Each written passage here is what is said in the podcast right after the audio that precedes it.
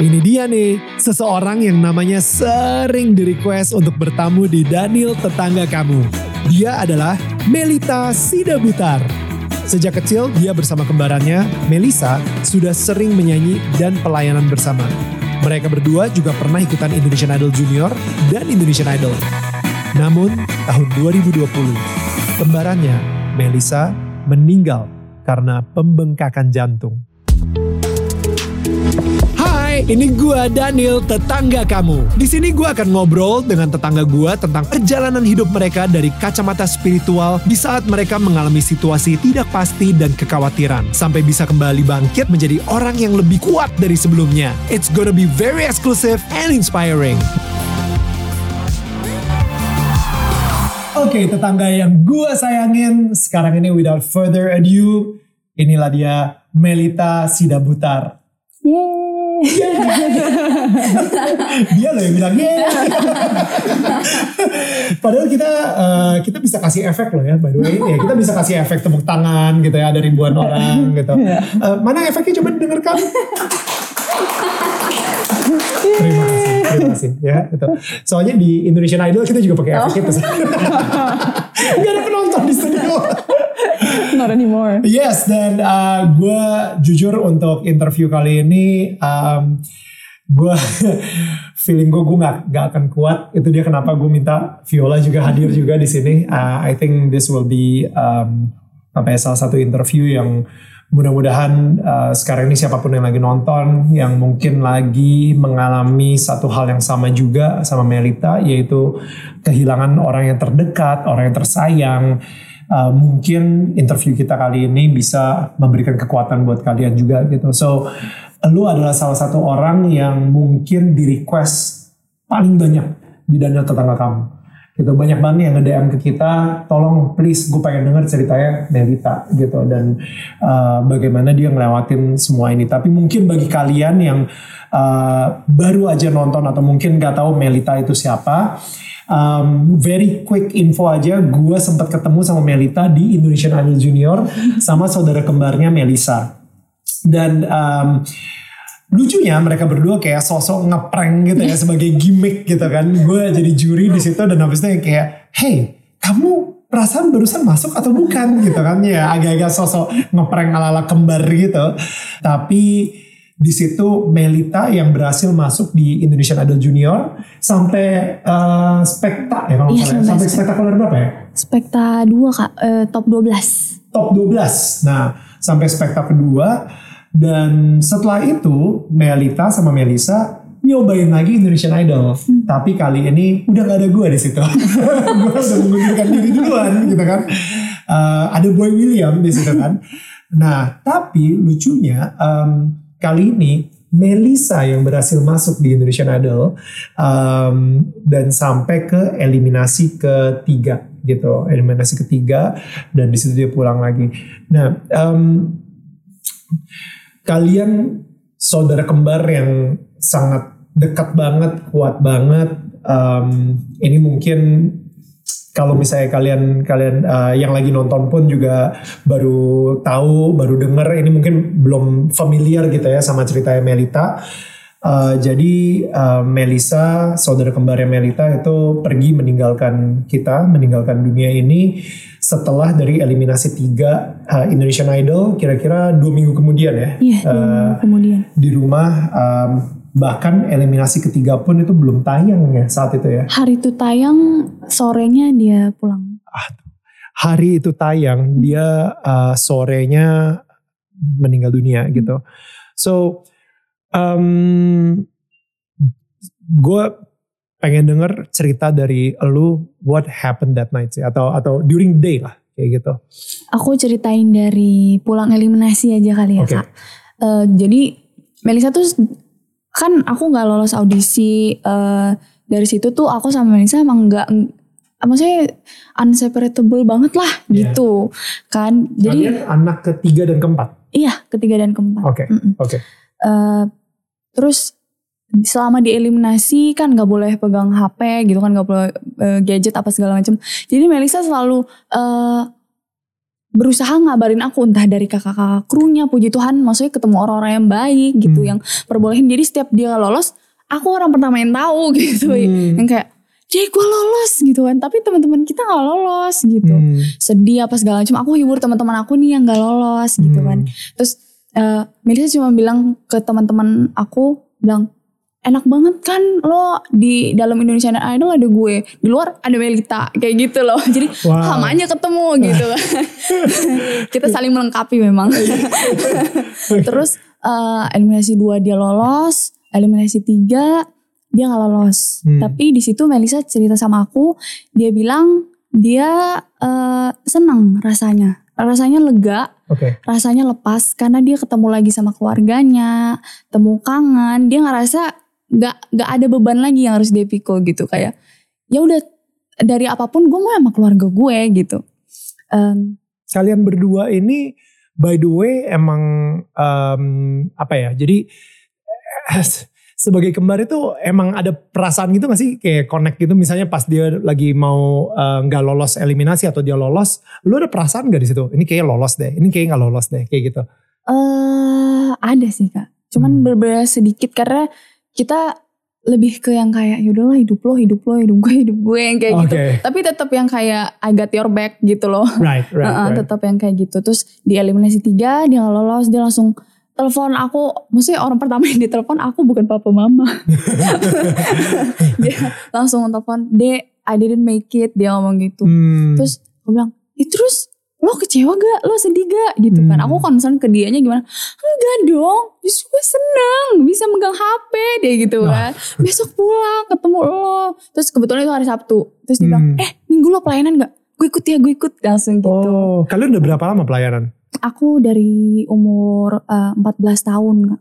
Oke, Sekarang udah 20 berarti 6 6 tahun, Tahun. terakhir ini pelayanan. Pelayanan Hmm. itu maksudnya eh, bisa dijelasin gak sih? Maksudnya kayak kamu eh, nyanyi di gereja kah? Atau kamu benar-benar volunteer di gereja kah? Atau gimana? Aku pelayanan 2 tahun pertama 14, 15, 16 itu eh aku sama Melisa jadi choir. Oke, Hmm, Jadi Tibers Choir kan. Terus dari situ kita ke singer. oke. Ada kaum muda, singer kaum muda, ada yang minggu raya juga. Hmm. Tapi lamanya di singer sih Kak. Terakhir ini emang singer terus. Oke, singer tuh artinya apa? Jadi maksudnya kayak worship leadernya gitu ya? Atau worship leader kan di depan kita Hmm. eh, backup singer gitu, Oke. backupnya Oke, Mm, oke. kayak gitu Oke. So, uh, jadi hari Minggu kamu pelayanan Mm-mm. dan uh, Melisa ikutan juga. iya Ada ada perasaan itu gak kayak misalnya, wah gila nih, uh, adik gue itu bisa di Indonesian Idol Junior sampai spekta 2, masa gue cuma sampai eliminasi 3 gitu. enggak sih Melisa enggak kayak gitu. Dia bahkan aku maksudnya dari satu kloter nih semuanya mami mu memo mi memo gitu. Kan latihan gitu. Aku Iya. juga kan aduh deg-degan banget. Tapi Melisa cuman yang kayak gue cuma butuh latihan sekali pemanasan lagu rohani gitu. Dia ngomong Hmm. karena dia bilang ya gue lolos gak lolos itu semua dari Tuhan dia kayak gitu loh Hmm. bener-bener sekali jadi kayak hidupnya santai banget gitu kan terus tapi aku tanya sempet tanya pas dia udah lolos maksudnya ke depannya gimana terus Hmm. dia bilang ya berharapnya sih bisa banggain keluarga siapa sih yang nggak of mau gitu kan Ya. sampai lolos terus tapi kalaupun memang Tuhan gak izinin sampai situ ya gue gak akan kecewa dia ngomong kayak gitu Wow, dia benar-benar berserah banget ya. berserah banget Hmm. anaknya emang eh nothing tulus gitu Hmm. dia ngikutin itu gitu kan. Terus eh, setelah itu dia kan pulang ke rumah hari Minggu dia nggak ada jadwal pelayanan ya udah dia ikut aja nimbrung gitu kan nggak pakai eh, seragam pelayanan ya udah datang Hmm. aja gitu loh. Yang penting dia dengar khotbah, dapat atmosfer pelayanan kayak gitu. Terus eh, seminggu berjalan kita dengerin eh, pas audisi kita dengerin eliminasi tayangan-tayangan di TV dia biasa aja kayak aduh ih kok suara gue gitu ya tapi udah ya udah gitu kan bye bye gitu terus kita ngobrol lagi Eh, aku tuh sama Melisa sering banget cuman berdua di kamar cerita nonton drakoran gitu kan Hmm. sampai eh, beberapa hari sebelum kejadian Melisa tuh drop gak gak tahu kenapa eh, dia memang sering capek anaknya gitu kan Dari dulu emang seperti itu. Iya sempat eh, pingsan, eh, bila eh, ada darah rendah gitu kan. Eh, tapi di situ dia eh, naik tangga nggak kuat gitu waktu itu kan. Eh, terus sini gua angkat, gua angkat aku gitu. Terus sampai di kamar dia oh capek gitu. Tapi udah abis itu kita biasa lagi. Hmm. abis itu nyanyi lagi bahkan masih sempet bikin cover kayak gitu. Udah mau Natal kan jadi kita bikin cover apa ya lagu Natal? gitu kan apa segala macem. Sampai akhirnya Vanessa bener-bener drop. Waktu itu dia nggak bisa makan. Jadi makan kayaknya muntah lagi gitu. Di situ dipeluk papa eh, dirawat papa mama selama beberapa hari tiga hari lah kurang lebih. Drop bangetnya itu dua hari terakhir. Tapi di hari eh, sebelum eh, pulang Melisa tuh sempat udah bisa duduk sendiri gitu loh. Tadinya yang bener-bener lemes setiap kali ditanya cuman ya iya cuman yang kayak gitu. Hmm. nggak bisa respon. Tapi sampai akhirnya eh, Melisa bisa duduk tiba-tiba. Kita seneng dong eh, apa segala macem. Dan tapi malamnya drop lagi. Besoknya kita memutuskan ya udah untuk ke dokter gitu. Pas ke dokter Melisa cek apa segala macem. Aku minta punya teman aku sampai minta beberapa dokter deh ngurusin gitu kan. Terus ternyata eh, memang eh, pas dicek ada pelebaran di katup jantungnya gitu. Itu kalau dari penjelasan papa mama itu yang bikin dia kurang kurang oksigen dan Hmm. saturasi oksigennya udah 60% di situ. Hmm. Terus berencana untuk dipindahin ke rumah sakit, rumah sakit lain kan. Tapi pulang dulu, pulang dulu. Pas pulang kita ngobrol masih sempat doa, masih sempat perjamuan kudus. Terus dia eh, mau ke toilet lah, mau ke Hmm. toilet diangkat. Papa ditemenin mama, ditemenin aku. Kita mau siap-siap. Kak lu mau bawa earphone nggak? Gue bawain yang kayak gitu. Mau, oh mau saya mau ke rumah sakit ya kayak gitu ya. Iya, lu mau bawa earphone nggak? Gue puterin deh lagu-lagu gitu kan. Hmm. Masih yang kayak "Ah, masih masih bisa respon gitu sama Hmm. hal-hal itu. Sampai akhirnya pas aku ngambil ke aku ngambil semua yang dibutuhin, aku ke toilet lagi. Tiba-tiba pas dia berdiri dia bilang, "Mah, kepalanya sakit, kepalanya sakit, kepalanya sakit." Udah, pergi. Gitu. Terus bawa ke ruang tamu, kita berdoa, kita bingung ini apa Tuhan, kayak gitu kan. Jam berapa itu? Jam setengah empat kak kayaknya, setengah, Setengah empat sore. sore. Mm-mm. Jadi em, tiba-tiba kepalanya sakit. Habis itu dia tidurannya di sofa gitu. Iya diangkat. Dia kayak no respon gitu. Hmm. Kita kira pingsan. Hmm. Karena maksudnya dia pernah kayak gitu sebelumnya. Mm-mm. Dan kita ini terus tapi kok aku lama-lama jadi kayak ada di hati aku ini apa Tuhan gitu. Ya. Ini kenapa? Aku teriak sekencang sekencang kencengnya. Aku nggak tahu itu tetangga denger langsung dibantu ke rumah sakit. Pas dicek di rumah sakit yang ada di dalam ruangan bukan papa mama aku. Kan aku cuman ah, bener-bener kayak Tuhan Tuhan tolong Tuhan tolong Tuhan tolong. Dokter cuma bilang dek maaf udah nggak bisa ditolong gitu. Udah nggak Hmm. ada lagi. Oh itu rasanya dunia hancur sih. Kayak aku langsung nanya ini ini apa sih gitu kayak Tuhan ini apaan gitu Oke. Em, cepat sekali ya. Em, dari jam setengah empat sore, habis itu ke rumah sakitnya jam berapa? Saat itu juga. Eh, saat itu juga cuman nggak jadi ke rumah sakit yang dituju jadinya di rumah sakit yang deket rumah aku Oke. Mm-mm. Kira-kira dan meninggalnya pas di sofa tersebut ketika udah dipapah dari toilet atau eh, di rumah sakit?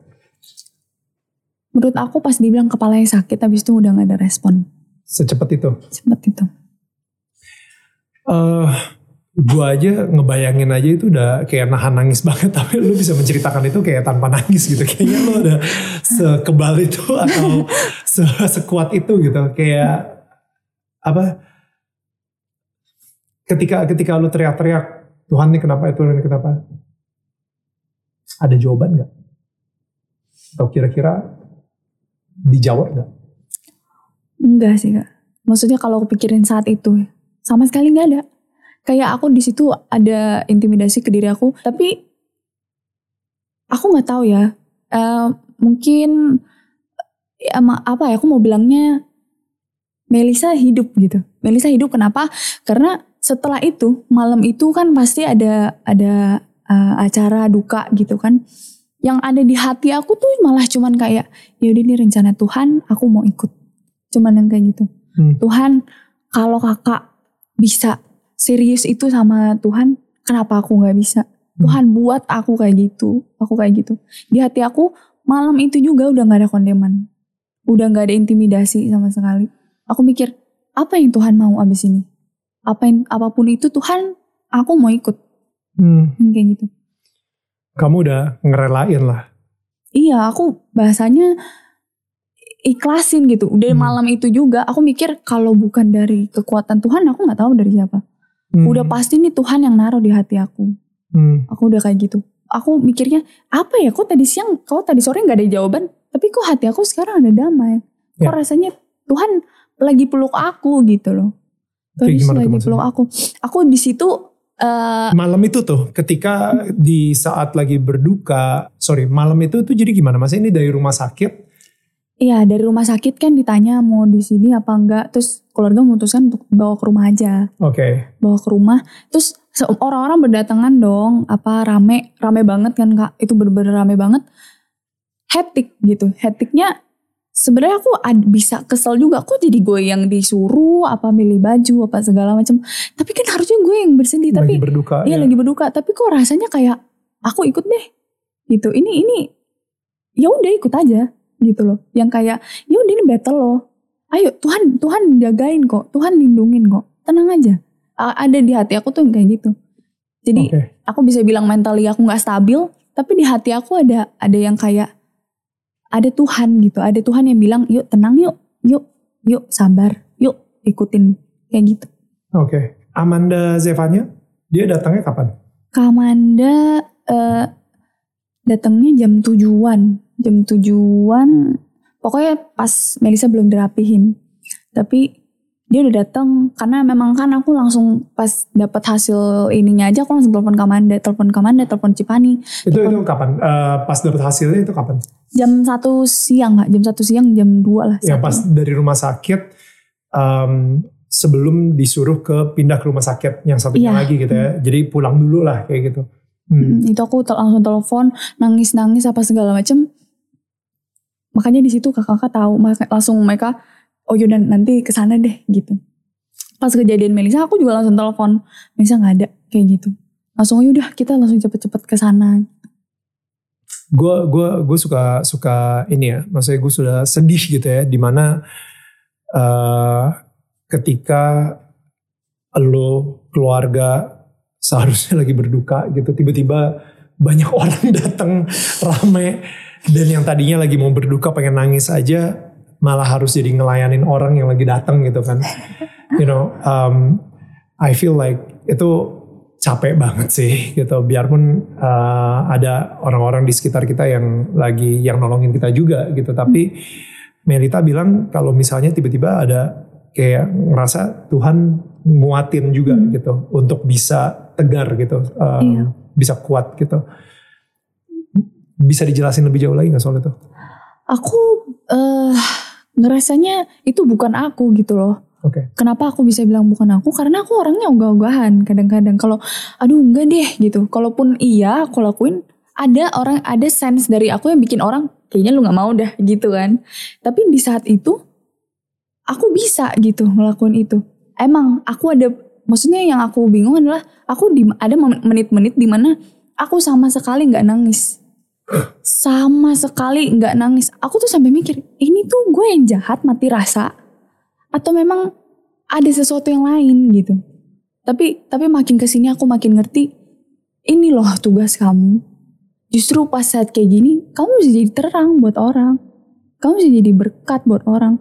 Aku nggak mengharapkan expect dari orang Melita kuat banget. Tapi itu terus yang datangan ke aku. Padahal aku nggak ada kayak gue nggak expect lu untuk mem- memvalidasi gue kuat gitu loh. Tapi itu ya itu yang terus aku pikir kalau Tuhan izinin aku dalam keadaan kayak gitu aku tetap jadi berkat buat orang, kenapa aku harus say no? Gitu. Kenapa aku harus balik dari rencana Tuhan? Tapi susah sih. Maksudnya kalau aku inget-inget kayaknya kayaknya harusnya nggak kayak gitu deh. Masih sih suka. Kayaknya harusnya gue yang di ah, udahlah. Eh, Iya. Ada satu momen di mana kamu sempat ngerasain kayak Tuhan tuh meluk kamu secara intim. Itu kapan dan How does that feel like? Itu tepatnya banget pas aku lagi makan. Aku mikir aku lagi, aku di saat kayak gitu seharusnya aku nggak bisa makan. Di saat itu aku bisa makan dengan pikiran Tuhan, kakak udah sama Tuhan ya. Dengan dengan damai, aku nggak bisa jelasin sedamai apa. Tapi di dalam hati aku udah nggak ada intimidasi, nggak ada yang bilang ini salah loh, karena lo nggak nggak concern sama kesehatan kembaran lo sendiri. Kan maksudnya orang-orang bisa kondeminasi kayak gitu kan. Tapi di hati aku tiba-tiba hilang semuanya. Seolah-olah ada yang bilang bilang sama aku, yuk tenang, dia udah sama aku. Gitu, yuk tenang, Melisa udah sama sama aku loh, sama Tuhan Yesus. Aku kayak, hah, ini rasanya masih mimpi deh. Tapi nggak bisa nggak bisa dipaksa untuk mengintimidasi sendiri aja sih. Hmm. Rasanya damai, sesuatu damai yang nggak bisa aku jelasin Hmm. gitu. Makanya kalau aku ngomong ke kakak-kakak aku, ke abang-abang aku, ke papa mama, mereka selalu yang kayak jadi paling kuat. Tapi aku mikir bukan aku yang kuat.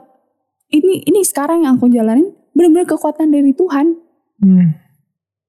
Hmm. Bisa aku jelasin secara eh, kata-kata, kalimat.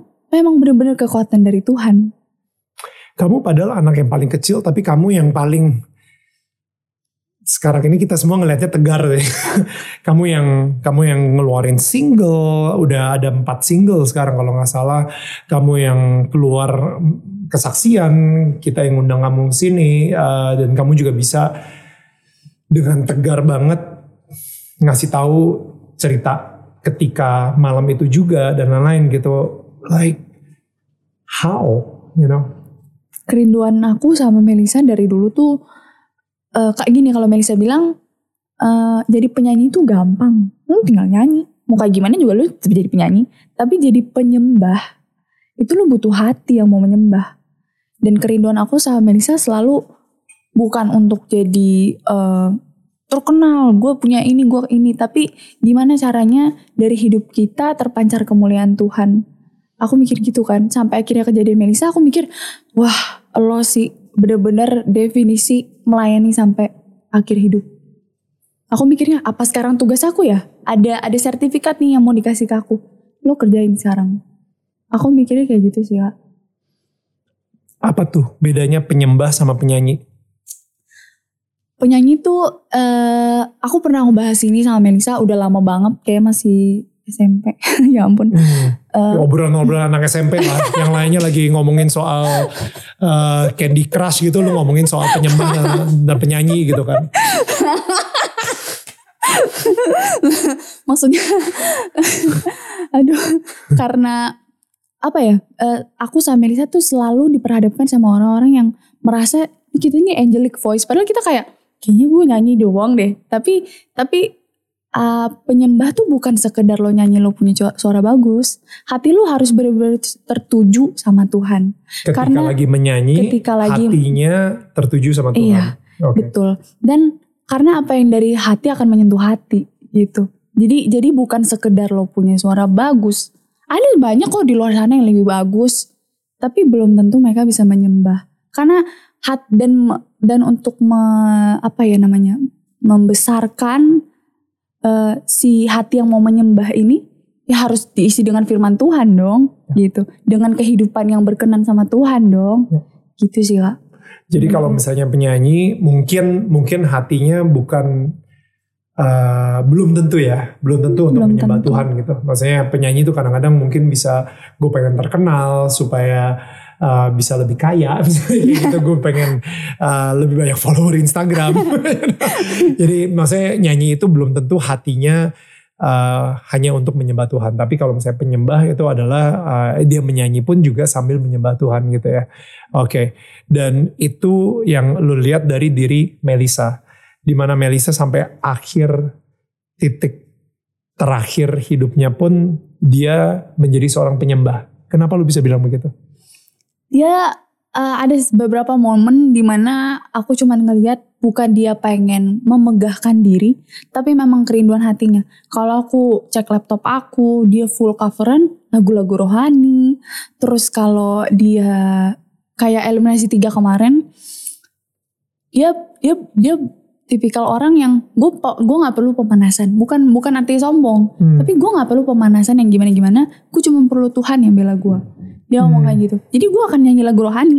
gitu. Wow. Iya, dia pemanasan, dia, Dia cerita pemanasan. Oke, bagi kalian yang nggak tahu ya, ini ini behind the behind the scene-nya Indonesian Idol gitu. Jadi yang kalian lihat kan udah apa yang terjadi di atas panggung. Tapi kalian nggak pernah datang ke WC ketika lagi eliminasi gitu. Gue sering gitu kan. Di WC itu mungkin suara audionya itu indah banget gitu ya. Jadi gue setiap kali lagi kencing pas lagi di eliminasi gitu ya. Banyak banget di pintu booth WC itu mereka nyanyi you know, yang yang yang keriting keriting gitu suaranya gitu kan.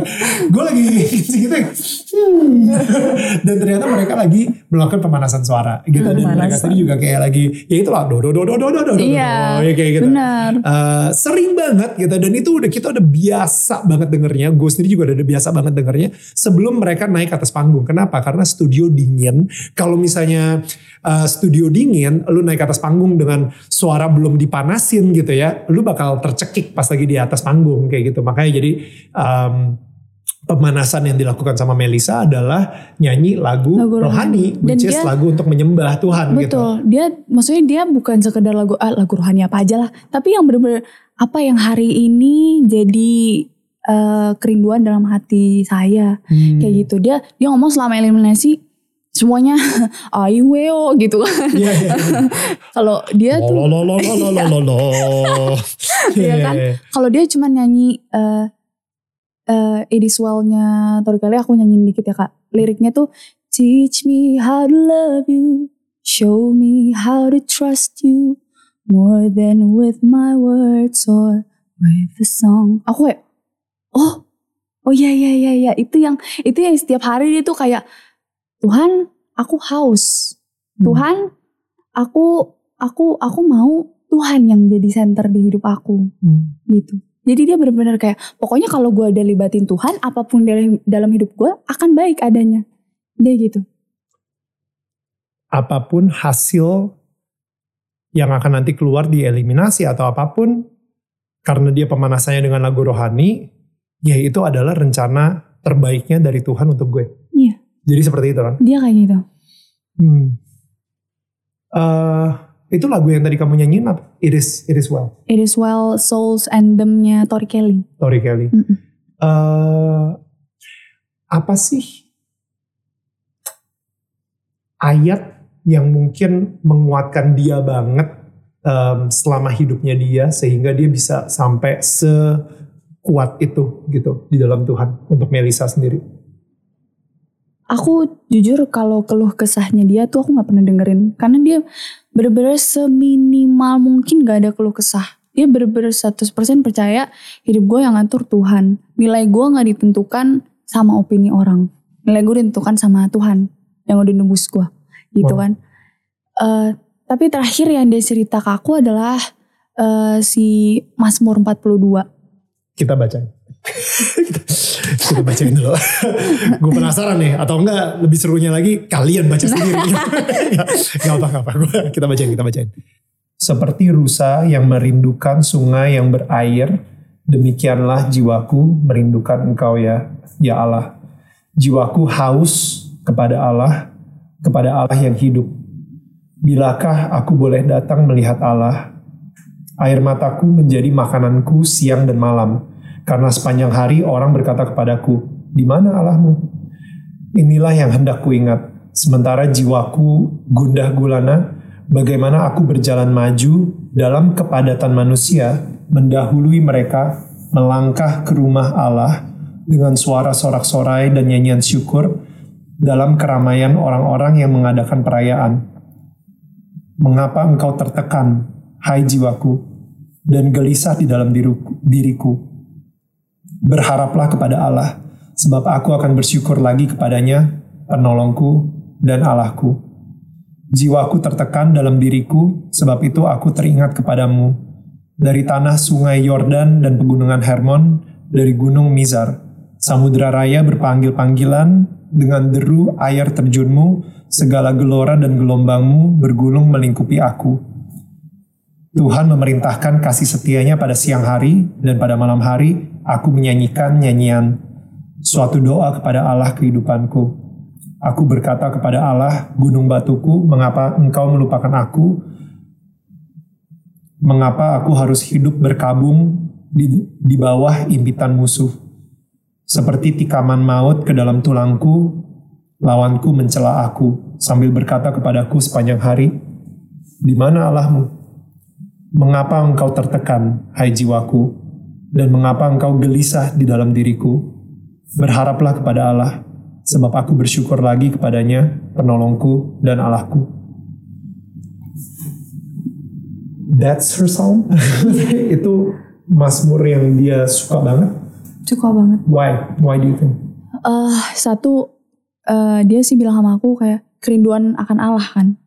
Dia bilang, iya gue pengen banget maksudnya hidup ini apa sih yang dicari? Kayaknya aku sering banget ngomong ini karena ini selalu yang Melisa ngomongin. Di hidup ini apa sih yang dicari?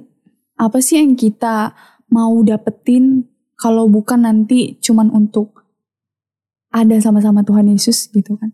Dia selalu yang kayak ya udah apa yang Tuhan kasih sekarang syukurin kasih semuanya lagi balik sama Tuhan bukan untuk lu eh, banggakan bukan untuk lu jadiin sesuka lu harusnya jadi sesuka Tuhan dia selalu selalu punya hati selalu punya eh, kehidupan yang menurut aku gak ada yang namanya penyesalan gak ada yang namanya intimidasi. Satu hari ada yang eh, nanya dia di Instagram. Nanya "Eh, Melisa punya penyesalan nggak? Dan dia cuma bilang aku eh nih lu pasti tahu jawaban gue terus aku kayak ya tapi gue nggak tahu penjelasannya. Jawabannya apaan? jawabannya nggak ada dia nggak ada penyesalannya sama sekali. Oke. untuk setiap yang Tuhan izinin berlalu itu semua nggak lepas dari rencananya Tuhan. Untuk setiap apa pun yang dia laluin nggak lepas dari pertolongannya Tuhan. Kalau hari ini ada masalah ingat dulu juga ada masalah dan Tuhan tolong kok kenapa Tuhan yang sama nggak nolong yang sekarang? Mereka selalu ngomong kayak gitu. Tapi aku kan yang denger di saat itu cuma kayak nah kita kan manusia. Kayak gitu. Kita kan masih daging. Tapi dia bilang ya justru itu battle-nya. Gitu. Kenapa enggak? Kita anaknya Tuhan kok.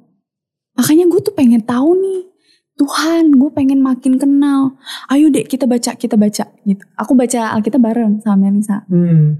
dan dia selalu bukan yang cuman baca Alkitab, ayo kita baca lima pasal, lima pasal. Enggak. Ayo kita saat teduh dulu, kita nyanyi, kita angkat pujian. Habis itu baru kita sharing, kita doa gantian. Dia selalu bilang, jangan buat ini jadi rutinitas, tapi jadi kerinduan hati lo. Wow. And yet, seseorang yang begitu dekatnya banget sama Tuhan, begitu intimnya banget sama Tuhan, harus pulang ke Tuhan. Why?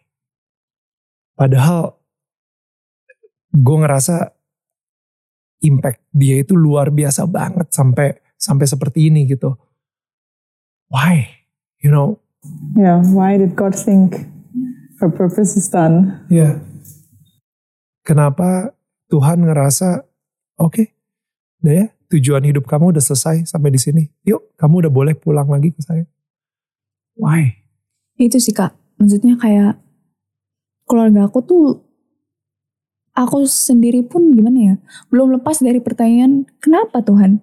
Kan hidupnya baik, kan dia nggak ngapa-ngapain.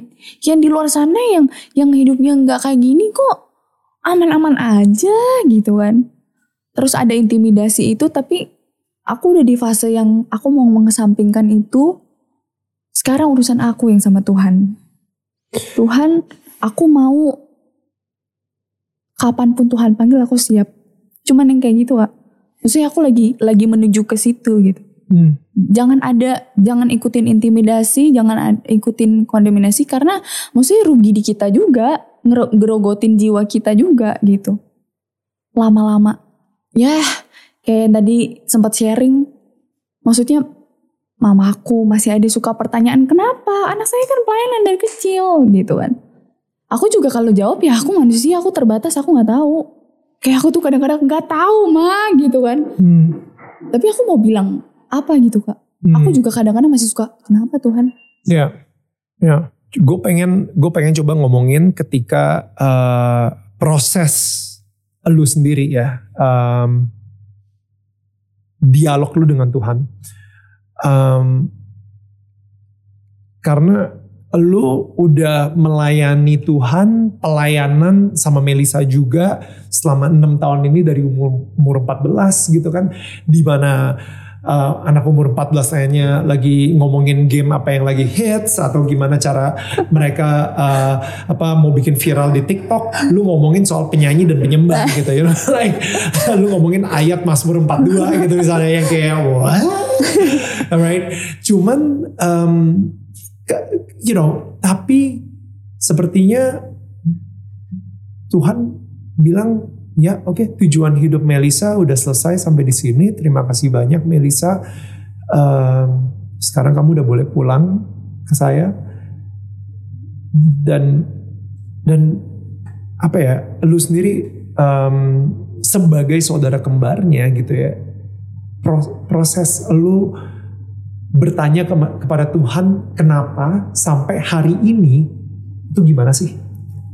Uh, kakak orang-orang pasti liatnya oh mereka semakin kuat gitu ya. Tapi jujur aja sebenarnya aku naik turun. Of course. Maksudnya aku ada di beberapa di momen kayaknya kayaknya gue belum bisa ini deh gue tuh belum mentally stable gitu loh. Ya. Ntar dulu deh yang kayak gitu. Lu masih umur 20 sekarang dan ini ini this is like the biggest gue umur 20 aja nggak pernah ngelewatin sesuatu yang seberat ini gitu. And and and you lu lagi ngelewatin ini gitu.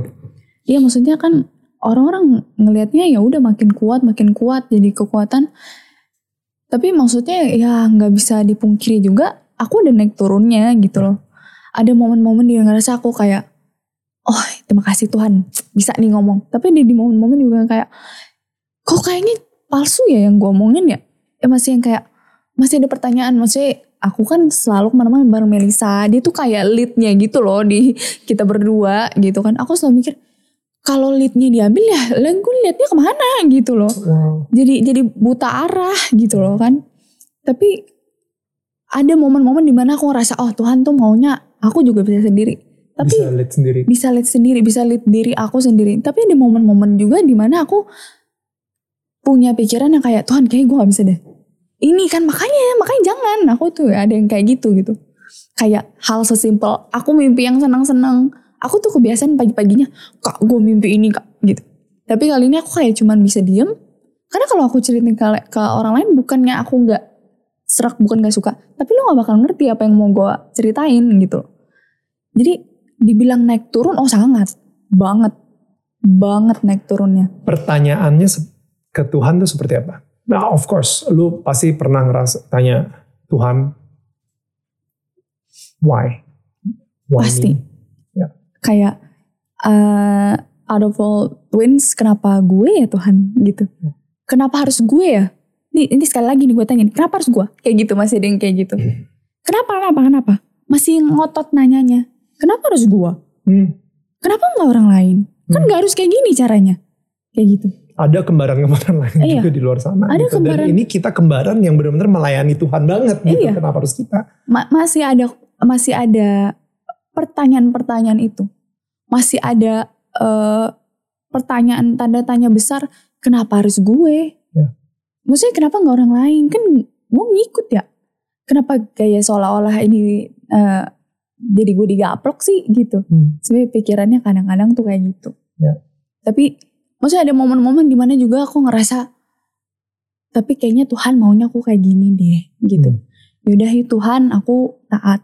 Hmm. Tapi ya memang naik turunnya tuh bukan naik turun aja cuman sedikit drastis kak. Bener kalau seneng kuat kuat banget. Wow. Tapi kalau down down Yaudah aku cuma bisa ngurung diri di kamar. Gue gak mau ketemu siapa pun. Kalau lagi naik tuh maksudnya kayak kayak gimana? Lagi naik naik banget gitu, hmm, seperti apa? Kayak aku ngerasa on fire aja gue bisa nih semangatin. Wow. Gue bisa nih uh, jadi kekuatan buat orang. Yuk sini curhat sama Neng gitu kan bisa kayak gitu. Tapi kadang-kadang juga yang kayak sorry gue gak terima cerita lo. Karena gue lebih sedih. Kadang-kadang gitu. Hmm. Jadi yang kayak aku gak mau bilang berlomba. Setiap battle, apa setiap orang tuh punya battle tapi kadang-kadang uh, bisa ada keadaan di mana orang-orang jadi apa ya jadi nggak sense. Kalau Melita ini masih butuh waktu grieving belum setahun. Hmm. gitu loh. Jadi ada kadang-kadang kayak gitu sih ya to be honest gue sendiri juga sih kayak emang banyak banget yang minta gue untuk interview Melita gitu ya, tapi gue justru memberikan ruangan untuk lu grieving. Jadi gue nggak berani actually kontak lu sampai akhirnya gue ngelihat lu ada di sebuah kesaksian di sebuah gereja dan gue pikir oke kayaknya dia udah siap deh gitu ya untuk gue reach out gitu. Dan itu dia kenapa gue berani untuk uh, DM ke Melita juga dan uh, ngajakin untuk interview di sini. Tapi selama lima bulan ini sejak kepergian Melisa um, pasti banyak banget orang-orang yang manual. Ya gak sih? Yeah, were there some people who were asking you or were giving you advice or they said things that they meant well, but actually they hurt you more or they was there something that they said that was not good? I mean, we mean we mean well when we give advice to people who are in a hard situation, right? Everyone wants to give advice and they don't know what to say, so they say something weird or they say and what were the things that were maybe awkward or not good? And was there something that you wish they would have said instead, or they, what was it? Banyak banget sih ya. Misalnya, misalnya, sorry, ini contoh, contoh. Gue baru kepikiran nih. Misalnya, ada orang bilang, ini semua rencana dari Tuhan. Ini pasti semua akan indah pada waktunya. Tuhan akan apa? Uh, Roma 828 tuh kayak misalnya. Tuhan akan membuat kejadian yang sangat buruk ini menjadi bagus buat kamu. Itu kan kayaknya nggak sensitif ya. itu kayak, oh jujur kalau gue jadi orang yang dibilang seperti itu ketika gue lagi berduka, gue akan benci banget sama Tuhan. Come kayaknya Tuhan jahat banget gitu. Maksudnya kayak kayak siapa dia yang yang tahu apa hati Tuhan buat gue ketika gue lagi berduka dan dia sendiri mungkin lagi nggak ngerasa kehilangan. You know what I mean? Akhirnya gue jadi malah makin marah sama Tuhan gitu kayak no no no no Tuhan bisa pilih orang lain jangan please jangan pilih gue untuk rencana lo yang supposedly baik ini. Eh uh, banyak banget kak. Itu salah satunya. Dan gak cuma satu dua orang yang chat aku, komen aku, hal-hal uh, yang sebenarnya menurut aku awkward lebih ke awkward sih lebih ke gak aduh apaan sih lo? Lebih kayak ih gengges. Kayak hmm. oke okay, kayak gitu kan. Uh, tapi aku yang gak gitu aku memilih untuk gak respon aja. Contohnya aku boleh nggak sebutin contohnya? Nggak bu contohnya jangan sebut namanya. Inisialnya nggak apa so, so, so this is what not to say. Ya, ini uh, please kalau misalnya ada yang baru kehilangan dan lu nonton ini please banget jangan nge DM orang ini seperti yang akan diceritakan oleh Melita kalau mereka yang kayak datang ke aku, ayo semangat gitu. Aku masih yang kayak, iya ya, ayo gitu kan. Gak usah lu panjang lebar gitu loh. Orang kayak gue yang lagi bergabung juga males bacanya hmm. gitu loh, ya kan. Tapi ada beberapa orang yang kayak, misalnya aku bikin, maksudnya gimana loh, kita tuh masa pasang muka di sosmed harus sedih-sedih sih, gitu loh. Yeah. Ya kan, kalau aku ketawa, kalau aku kasih keceriaan aku, mereka akan nanya, Udah gak kangen ya sama Melisa? Aku aku berkali-kali aku cuman bisa bilang apa apa mama. Aku pengen aku nggak pengen aktif di sosmed nih gara-gara begini nih. Ya, ya kan orang-orang begini. Orang. Ya kan uh, ya ampun Melita udah senyum uh, uh, apa padahal di sini Melov masih kangen sama Melisa. Terus kalau lo kangen lo mesti sedih. Mesti sedih terus kayak ya. lu tuh maunya good vibes dari gue. Hmm. Tapi lu ngasih good, uh, tapi lu ngasih bad energy ke gue. Wow. Gitu. Ya. Itu salah satunya suka nanyain kangen gak sama Melisa. Aku tuh sampai pernah jawab, lu seberapa kangen sih? Hmm. Sekangen-kangennya lu gak ngalahin gue gitu yeah, kan. Yeah. Tapi kayak menurut aku itu gak perlu dijawab terus-terusan. Of course. Kayak itu uh, your business lah, terserah lu gitu kan. Terserah lu. Yeah. Tapi kadang-kadang juga ada yang kayak uh, ada yang ngomong, Melita kamu terkenal karena Melisa jangan lupain ya aku kayak What? Melisa adalah gue gue adalah Melisa dan lu bukan siapa siapa right. right. gitu loh jadi eh, kadang-kadang tuh itu itu yang lebih ke bikin gengges sih yeah. itu yang bikin nyebelin tapi kadang-kadang you know, yang bikin you know gengges um, Can you say it? Coba ngomong. Genghis. Yes, exactly. What does it mean? I'm just like, Oh yeah. Uh, just say just say to the camera, Genghis deh lo. Genghis Delo. Exactly. So what did I just say? Lebay. Iya. oh, it's the it's the lebay of today. Yes, the yeah the the millennials of Lebay. So much to learn. yes. kayak bikin things get awkward jadinya. Ya. Kayak eh, terus ada kadang-kadang yang kayak ayo semangat eh eh, Melisa di sana udah senang apa segala pasti bangga lihat kamu. Kayak aku tuh gue tuh butuhnya kayak aku tuh pengen respon oke Hmm. lu lu bawa-bawa itu oke tapi pasti lu mengharapkan kayak gue sedih lagi kan gitu. Terus kadang-kadang ada orang yang mau belain aduh jangan diingetin lagi dong nanti Melita sedih kayak ya udah lu nggak usah sosokan ikut gitu loh bubar bubar. Pengen aku gituin. Oke, So what would be the right thing? baru gue pengen ngomong. So, what would be the right thing? Jadi kayak misalnya ketika lu lagi berduka, mendingan kita ngasih space aja. Kita diem. Maksudnya of course, um, ketika kejadian tersebut pun juga gue nge-DM, uh, gue harus ngecek lagi DM gue. Jangan-jangan gue. Jangan-jangan gue. You meant well. Melisa sudah bahagia. oh my god, that's me. gue nge DM, gue inget sih, gue gue bilang kayak misalnya, uh, gue berdoa supaya lo dan sekeluarga kuat melalui ini semua.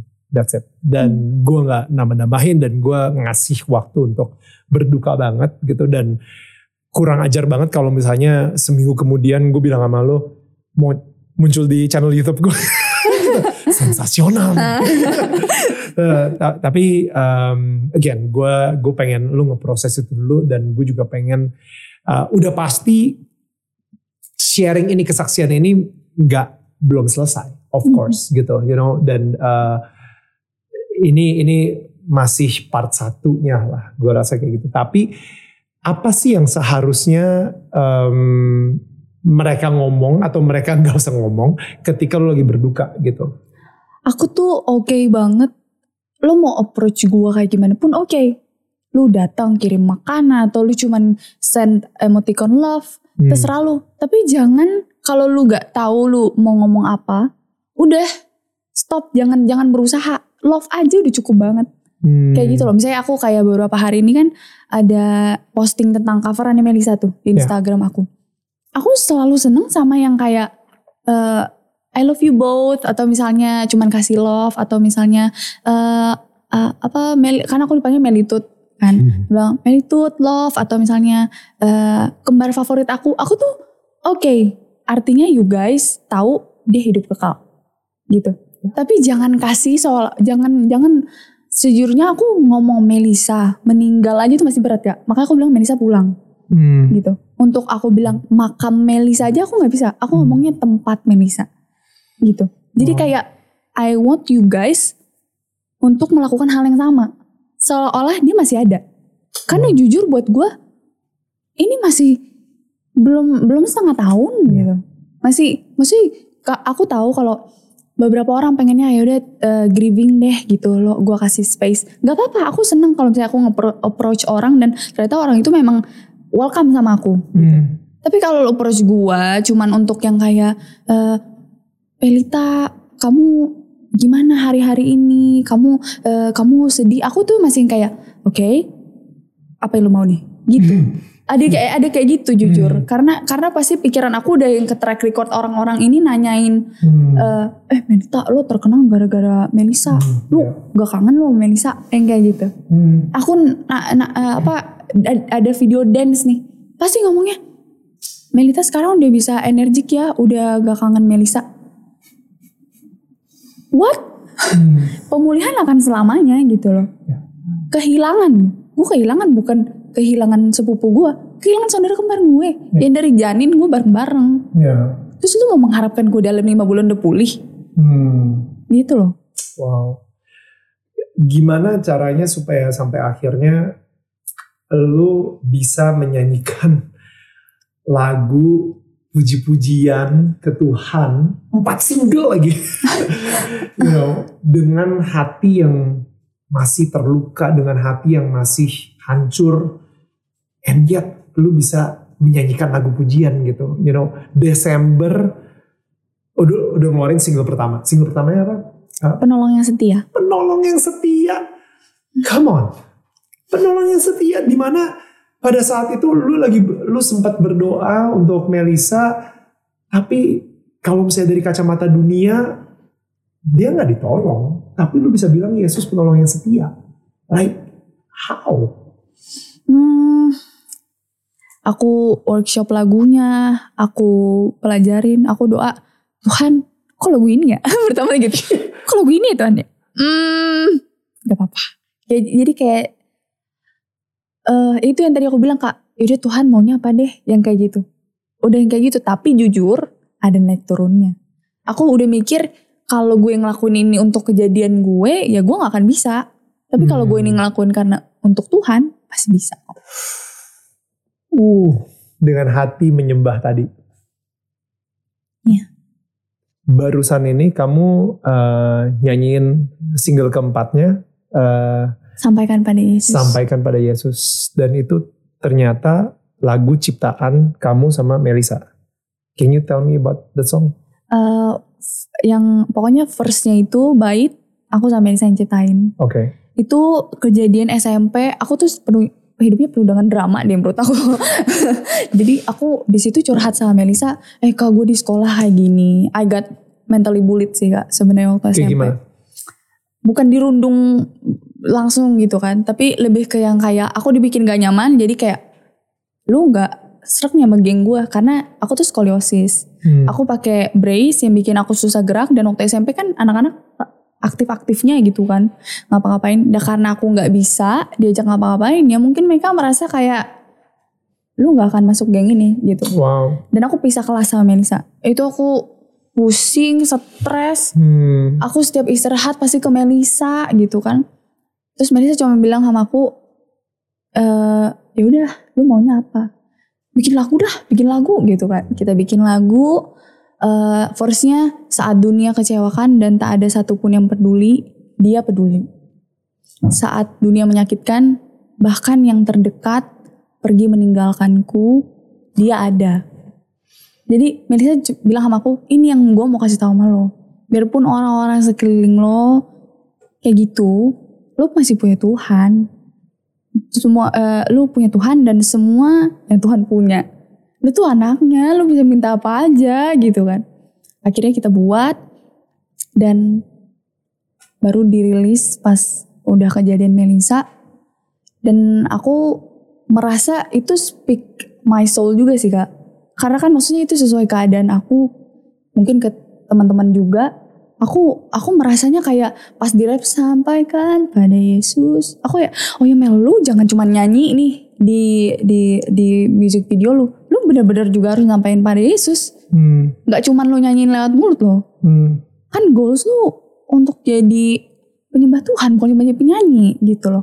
Jadi aku seneng maksudnya aku akhirnya punya lagu juga yang sebenarnya kayak nusuk aku gitu gitu Ya. iya lu lu juga harus sampein ya nggak cuma lu ngomong sama orang harus sampein gitu lagu ini kayaknya emang speak dan resonate ke lu juga gitu. Um, ya, gue jadi pengen ngebacain ayat lagi sih.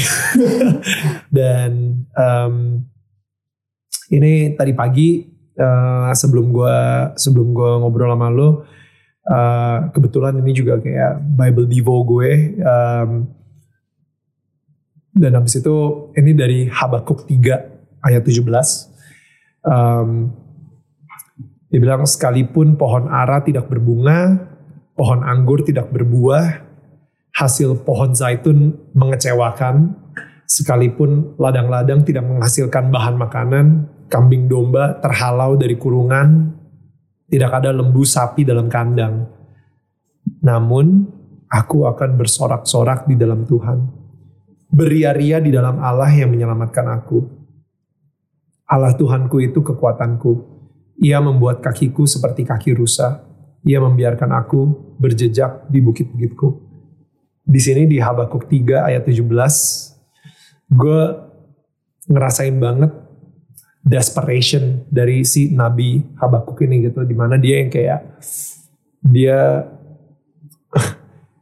pohon ara tidak berbuah, pohon anggur tidak berbuah, hasil pohon zaitun mengecewakan. Itu kayak gue udah gue udah bajak sawah gue, gue udah nanam di terik panas matahari, gue udah siremin terus, gue nunggu sampai berbulan-bulan, hasil pohon zaitun mengecewakan.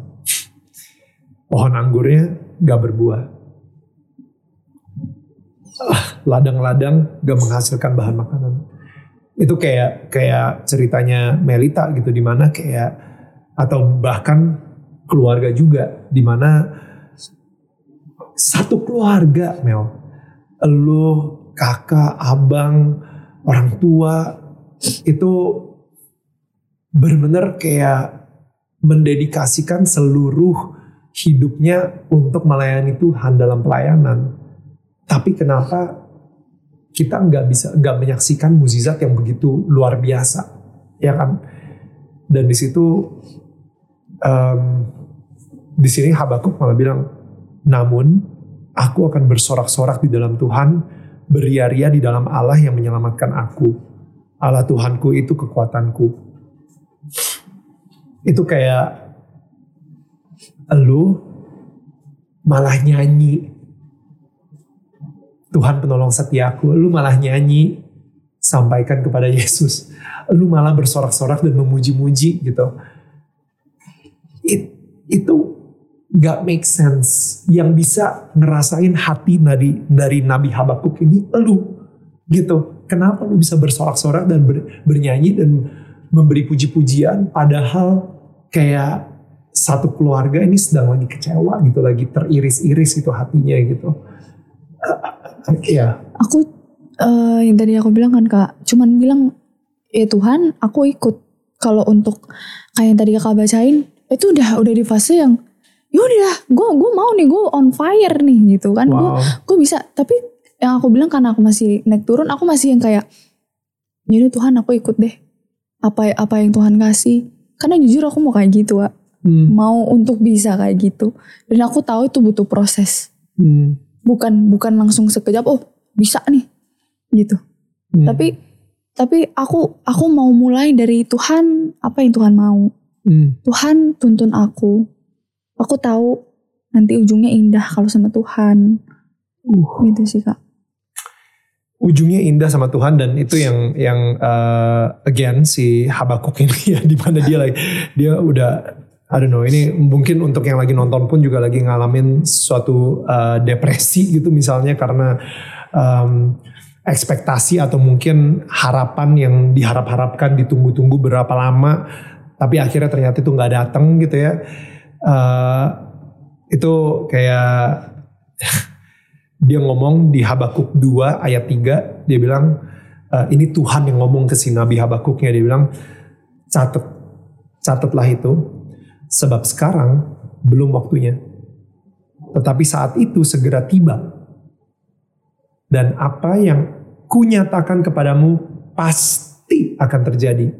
Meskipun tampaknya masih lama tetapi tunggu saja. Saat itu pasti akan datang dan tak akan tertunda. Gue pakai yang bahasa Indonesia masa kini itunya em, translasinya.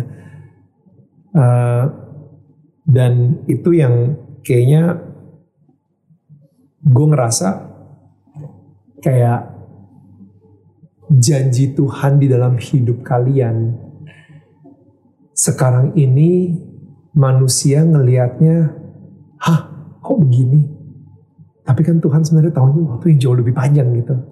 Dan kayaknya emang butuh kesabaran banget untuk ngelihat no no no itu akan datang. Saat itu akan datang.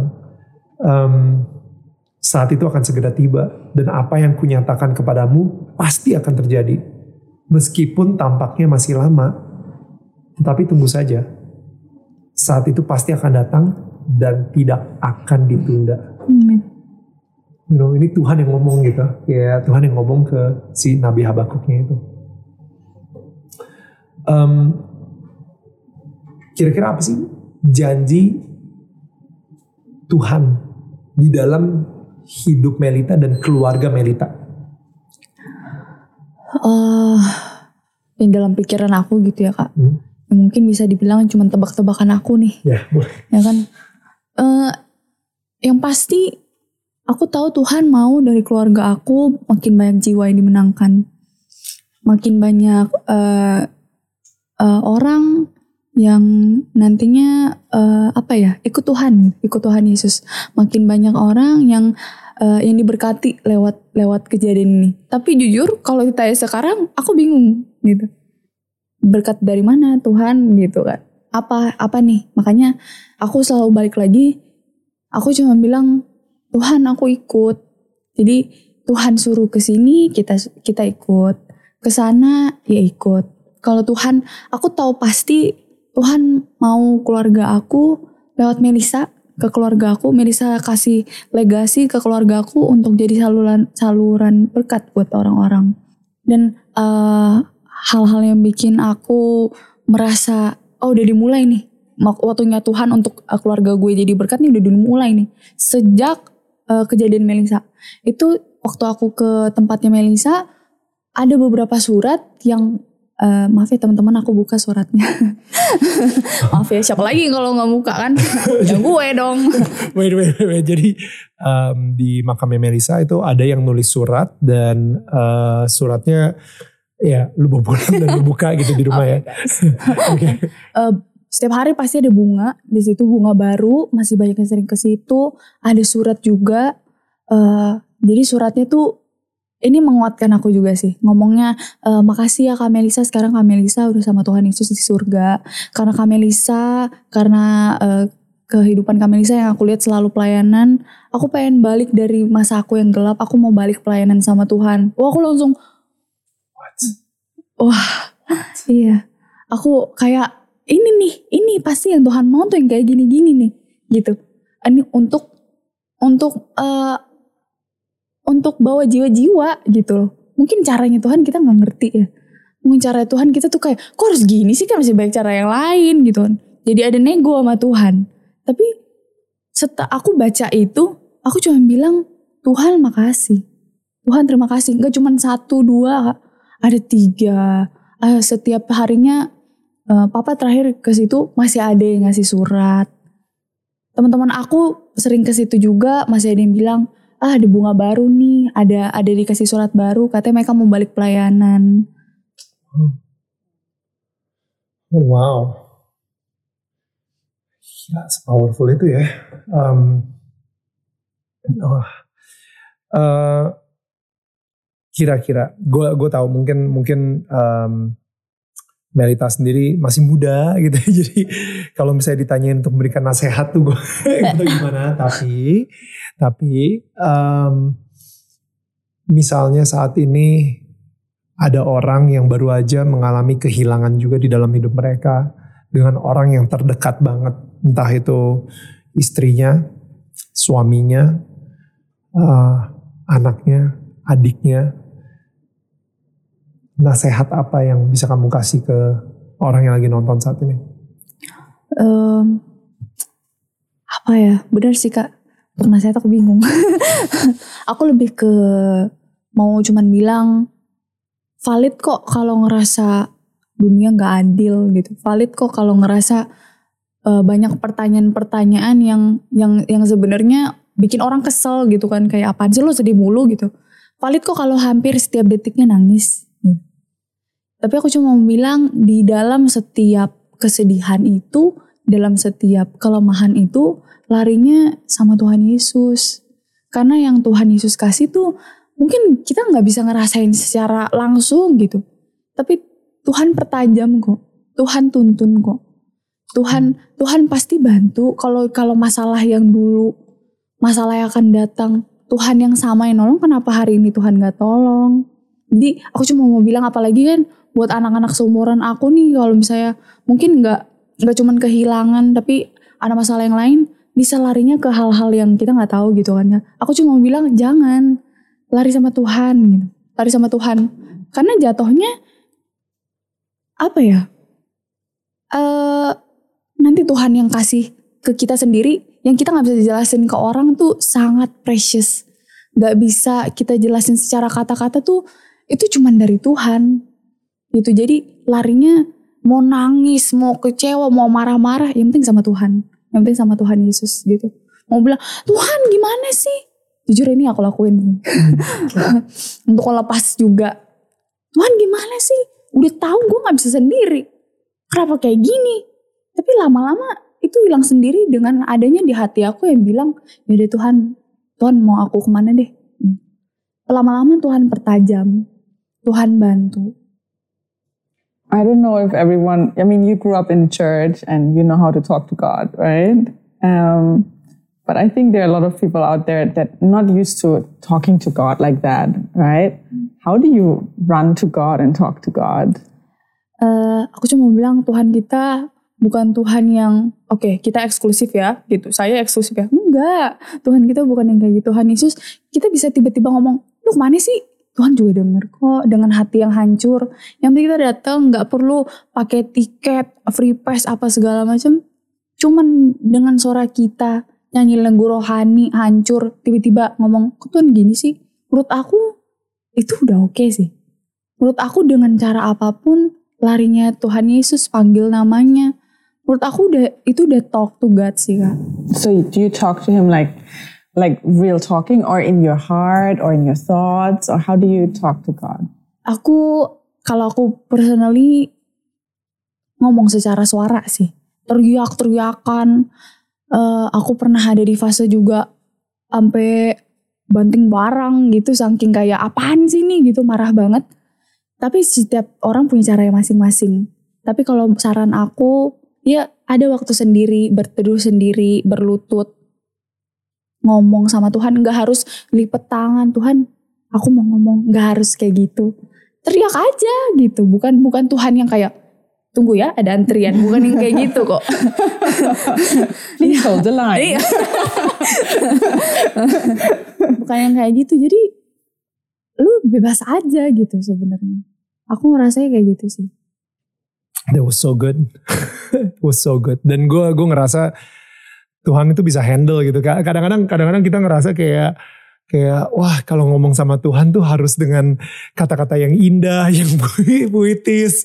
Ya kayaknya um, kita nggak kita kita harus hati-hati banget karena kita takut mengecewakan Tuhan atau nanti Tuhan sakit hati gitu sama kita karena kita nggak sopan gitu misalnya. Tapi gue ngerasa, come on, dia itu pencipta dunia ini dan segala isinya. Mungkin dia sendiri pun juga yang yang yang dia bisa handle gitu. Kita komplain-komplain segimanapun dia bisa handle komplain kita gitu. Jadi kayak kayak ya Tuhan gak selemah itu juga. Yeah. like, like as a parent, if my children are disappointed with me, I want them to tell me. I don't want them to hold it in, figure it out inside, and then only once they forgive me, you know, they come to me and talk to me again. I would like them to tell me in my face. So at least I can be there and I can tell them and explain to them why and how, right? Dan benar sih yang Melita sempat ngomong juga bahwa banyak ketika di saat seperti ini kita mencari solusi untuk mematikan rasa sakit di hati kita dengan sesuatu yang sementara. Banyak orang di saat seperti ini malah larinya ke alkohol untuk melupakan rasa sakit tersebut. Um, Food. Makanan. I open the fridge when I'm broken hearted. Yep. What's in the fridge? Yep, yep, yep. Shopping, yeah, shopping, shopping. Um, you know, uh, apa pun itu uh, dan sampai apa ya, kayak semuanya deh, kayak literally kita bakal ngelakuin apa pun untuk melupakan rasa sakit kita dengan sesuatu yang sementara, yang gue bilangnya temporary painkiller. Pada akhirnya, karena itu temporary, ketika lu udah nggak mabok lagi, ketika lu udah nggak high lagi, ketika lu udah balik lagi ke dunia nyata dan bukan dari dunia film, lu akan balik lagi ke masa lalu, di mana lu akan uh, harus menghadapi kenyataan bahwa sekarang ini ada masalah tersebut dan itu belum kelar dan gak kelar dengan dengan minuman atau dengan narkoba atau dengan apa pun itu juga. Yang pada akhirnya ya kita nggak bisa nyari temporary painkiller. Kita harus nyarinya sesuatu yang kekal. Dan seperti yang uh, Melita bilang gitu sesuatu yang kekal adalah kita lari ke Tuhan gitu. Di mana Tuhan itu ya Yesus tuh pernah jadi manusia, dia ngerasain kok rasa sakit, dia ngerti banget kok apa yang lu rasain, dia dia ngerti banget kok kesedihan, sakit hati yang lagi lu rasain sekarang gitu. Jadi dia dia bisa handle gitu. Dia punya empatinya buat itu gitu. And I think dan lebih gilanya lagi bukan cuman lu lari ke Tuhan Yesus gitu ya, tapi lu malah mulai memuji-muji gitu dengan lagu gitu. Dan itu yang gak make sense gitu. Apa legacy yang Melisa ingin tinggalkan hari ini dan pengen lu lanjutin? Uh, sebelumnya mungkin aku bilang dulu um, biasanya sama aku pernah denger khotbah gitu tentang anak muda kan pasti yang tadi kalau bahasa yang tadi nggak uh, gue mau cobain ini, gue mau cobain itu, ah hidup gue udah hancur, hancur aja sekalian. YOLO bro, YOLO gitu kan. You only, uh, tapi you only live once. Yeah, you only ya. live buat, once. Buat para tante-tante dan om yang lagi nonton uh, dan di tengah kamu ya, market kita banyak soalnya yang di atas 40 ya. YOLO bagi anak muda zaman sekarang itu adalah you only live once gitu. Artinya lu cuma hidup sekali gitu ya, udah lu harus cobain semuanya gitu kan. Tapi justru pengertian aku sama Melisa dengan khotbah juga, justru karena you only live once, do it right gitu. Hmm. Jadi bukan lu artinya cobain semua, lu harus bener-bener ngelakuin yang bener gitu. Bukan Hmm. arti lo cobain semua gitu kan. Hmm. Terus makanya kalau tadi kakak tanyain tentang legasi yang yang Melisa tinggalin, kalau menurut aku salah satunya ini lagu rohani Hmm. gitu. Itu selalu memang selalu jadi kerinduan Melisa untuk bisa memberkati orang lewat uh, pujian penyembahan gitu. Itu mungkin itu bisa jadi kesaksian-kesaksian kayak gini atau misalnya kayak aku di gereja gitu. Aku ngerasanya legasi yang Melisa, kasih tok dijadi berkat buat orang. Tapi sekarang ini dinamika keluarga kalian gimana? Like lu sama bokap, sama nyokap, sama abang, kakak. Itu dinamikanya seperti apa sekarang? Kita satu sama lain baik, maksudnya ngobrol uh, tetap oke gitu. Tapi memang ada yang hilang sih, ada yang kosong dan membuat uh, situasi rumah aku bisa bilang jadi dingin gitu. Aku ngerti banget sih kan maksudnya kehilangan gitu. Ini kayak kehilangan satu, walaupun orang-orang di luar sana masih yang kayak ngomong ke papa mamaku masih ada tiga, tapi itu Come itu nggak nggak nggak nggak That's one of membantu. those. Don't say that. Oh, thank Do God you not. still have one. You still have the other one. Don't say that. Okay. Don't say that. Yeah, you can Iya. replace. Itu itu yang Rasa. maksudnya eh, bikin satu satu kehilangan nih kayak seisi dunia hilang gitu. Dan aku bilang dingin karena Masih biasanya berkabung. masih kita masih berkabung biasanya kita doa bareng pujian-pujian bareng eh, entah abang aku yang piano kita angkat pujian apa segala macam kan tapi udah eh, beberapa bulan ini udah enggak gitu. Karena aku nggak bisa salahin juga perasaan kita masing-masing yang butuh divalidasi. Tapi aku lebih ke yang kayak ya sedih sih sebenarnya nggak kayak gitu lagi. Kenapa kita jadi kayak gini gitu? Jadi kosongnya bener-bener gede gitu hole-nya bener-bener gede. Oke. Mama kamu lagi gak ada di sini. Oke. Dia gak ada di set. Kayaknya dia yang paling terpukul dari semua ini. Dia yang paling mempertanyakan. Misalnya kamu pengen bilang sesuatu ke mama kamu ketika dia lagi nonton ini gitu ya. Kamu pengen ngomong apa ke dia? Eh, aku cuma pengen bilang sama mama bukan salah mama bukan karena mama bukan ibu yang baik tapi semua udah di agendanya Tuhan gitu. Jadi percaya eh, percaya Tuhan pasti pelihara gitu. Jangan terus-terusan salahin diri sendiri. Tuhan pasti tolong kok gitu. Sih aku setiap hari ngomong itu sama mama. Ya.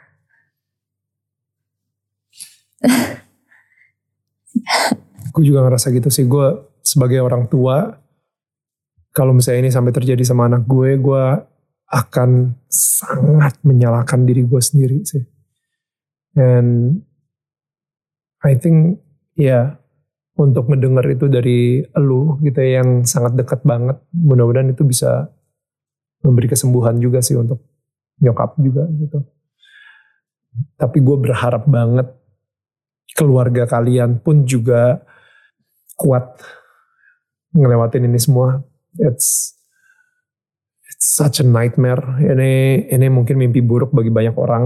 Um, gue sangat berduka dan gue masih terus berduka gitu. Apalagi ngedengar cerita dari Melita, cerita dari papa Melita juga gitu kayak kayak hati gue pun juga ikutan nangis juga gitu. Padahal tadi cuma denger kayak cerita lima menit aja gitu and um, gue berharap banget siapa pun yang lagi nonton kalau misalnya lo lagi ngerasain hal yang sama lo uh, ngerasain kehilangan juga gitu ya. Dan uh, mudah-mudahan dari sharingnya Melita itu bisa menguatkan sedikit gitu. Um, apa yang kita pelajarin tadi bukan dengan mencari temporary painkiller, bukan mencari sesuatu yang yang bisa mengobati rasa sakit kita ini hanya sementara aja. Coba kita cari sesuatu yang kekal yang bisa handle rasa sakit kita selamanya, kayak gitu. Dan uh, kita bisa lari ke Tuhan. Dan mudah-mudahan di situ juga kita bisa membangun hubungan lagi sama Tuhan gitu. Guys, kalau misalnya kalian ngerasa kalian butuh um, share video ini kepada orang yang lagi membutuhkan banget, yo share it to them, please banget. Siapa tahu aja ini bisa memberikan harapan baru buat mereka atau bisa memberikan semangat baru juga di saat di saat mereka harus melewati kegelapan seperti ini. Dan gue pengen bilang thank you so much buat Melita yang so courageous untuk sharing di sini, nyanyi juga, uh, you know, mempersembahkan yang terbaik tetap untuk Tuhan walaupun keadaan seperti ini. Tapi uh, lu bener-bener menginspirasi gue sendiri sih, sangat menginspirasi gue banget gitu, di mana mungkin gue nggak bisa sekuat lu kali uh, kalau misalnya itu terjadi sama gue gitu dan um, ya yeah, thank you. Thank you for for being uh, dipakai sama Tuhan sebagai alatnya dia gitu dan juga perpanjangan tangan dari Melisa juga gitu. Thank you. Alright, so again guys, uh, jangan lupa kalau misalnya kalian pengen ngecek uh, siapa tamu atau tetangga kita yang akan gue undang minggu depan, cek aja di Instagram kita di @danielmanata_network. Jangan lupa juga untuk subscribe, um, you know, uh, bunyi bunyiin tombol loncengnya atau belnya untuk kalian mendapatkan notifikasi setiap kali kita upload konten dan gue berharap banget supaya uh, kalian mengerti bahwa uh, ketika kalian subscribe gue akan selalu memberikan kalian konten yang memberikan nilai buat hidup kalian supaya kalian sendiri juga menjadi lebih baik lagi di dalam hidup ini. And um, again, um, kita udah available di semua platform podcast. Kalau misalnya kalian lebih se -se seneng dengerin lewat audio, uh, langsung aja follow podcast kita di Spotify dan seluruh digital platform podcast lainnya. Tinggal klik aja Daniel tetangga kamu atau search Daniel tetangga kamu dan itu akan keluar. Guys, thank you so much. Um, tadi kita udah belajar kalau misalnya ada orang sedang berduka apa saja yang tidak boleh kita omongin gitu ya yang cukup sensitif kirim mereka makanan please. You know I think that's that's how we can do it alright? Karena tetangga saling menyangga bukan menyangga. See you again next week. Thank you. Um, gue request dong boleh boleh nyanyiin gak lagunya sekarang? Boleh kak. Boleh ya. Ini uh, jadi lagu sampaikan pada Yesus uh, yang nulis liriknya adalah Melisa um, dan nada notasinya adalah kamu dan aransemennya Kak Martin Siahaan. Martin Siahaan. Oke, kalau gitu langsung aja kita lihat. Wah, di dana tentang kamu ini kedua kalinya jadi nyanyi di sini. langsung aja kalau gitu ya Mel.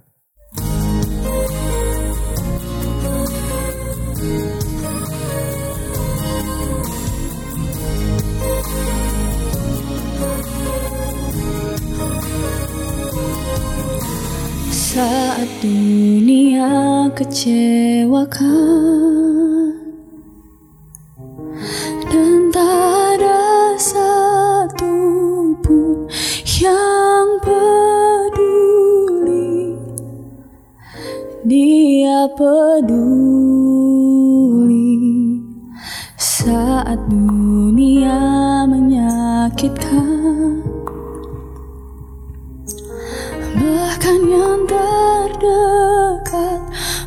pergi meninggalkanku. Dia ada. Sampaikan pada Yesus Segala beban hidupmu. Dia hanya sejauh doa Saat kau berseru. Sampaikan pada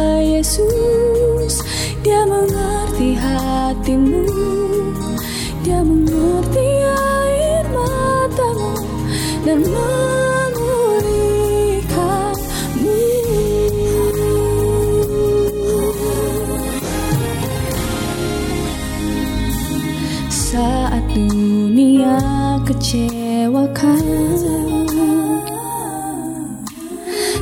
tak ada satu pun yang peduli Dia peduli